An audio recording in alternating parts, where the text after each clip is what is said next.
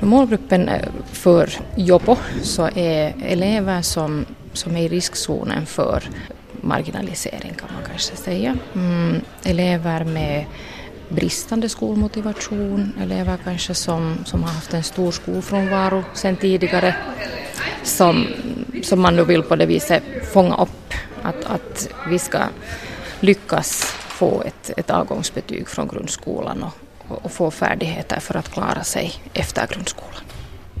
Det handlar alltså inte nödvändigtvis om, om att man har inlärningssvårigheter utan det är mer motivationen som betoningen ligger på? Jo, egentligen är det så. Men det, de som kanske har den här problematiken så har eventuellt en sån har haft så pass mycket frånvaro att kanske inte helt riktigt men, men lite så här förvärvade inlärningssvårigheter. Det är att om du har stora luckor från tidigare så kan det betyda i de högre årskurserna att det blir en slags inlärningssvårigheter.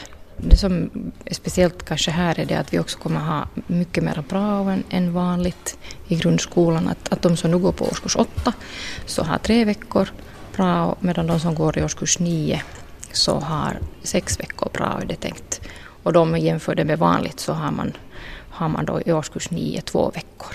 Och vad är tanken med att ha, att ha en sån här utökad prao-period?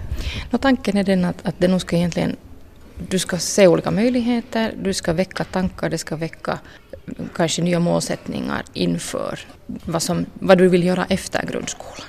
Hur tycker du att inledningen har varit? Den har varit väldigt spännande och den har varit väldigt intensiv. Det är alldeles nytt, som jag har sagt åt eleverna också, att, att de är väldigt modiga eftersom de har sökt till någonting som de egentligen inte vet vad det är. Och, och det, här, det formar sig ju hela tiden, att vi, är nog, vi söker nog egentligen våra, våra former och, och hur, hur, vi riktigt ska lägga upp det. Vi har möjlighet att lära känna eleverna och, och jobba utgående kanske mera från deras egna intressen och, och förutsättningar och, och, så.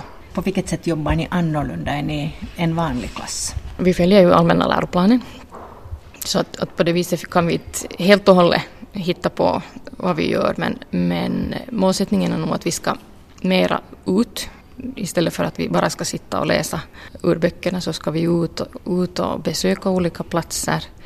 Vi har nog engelska och vi har finska på schema men då kan vi till exempel behandla ett ämne som ungas rättigheter och skyldigheter på finska så då kan vi lite slå två flugor i en smäll.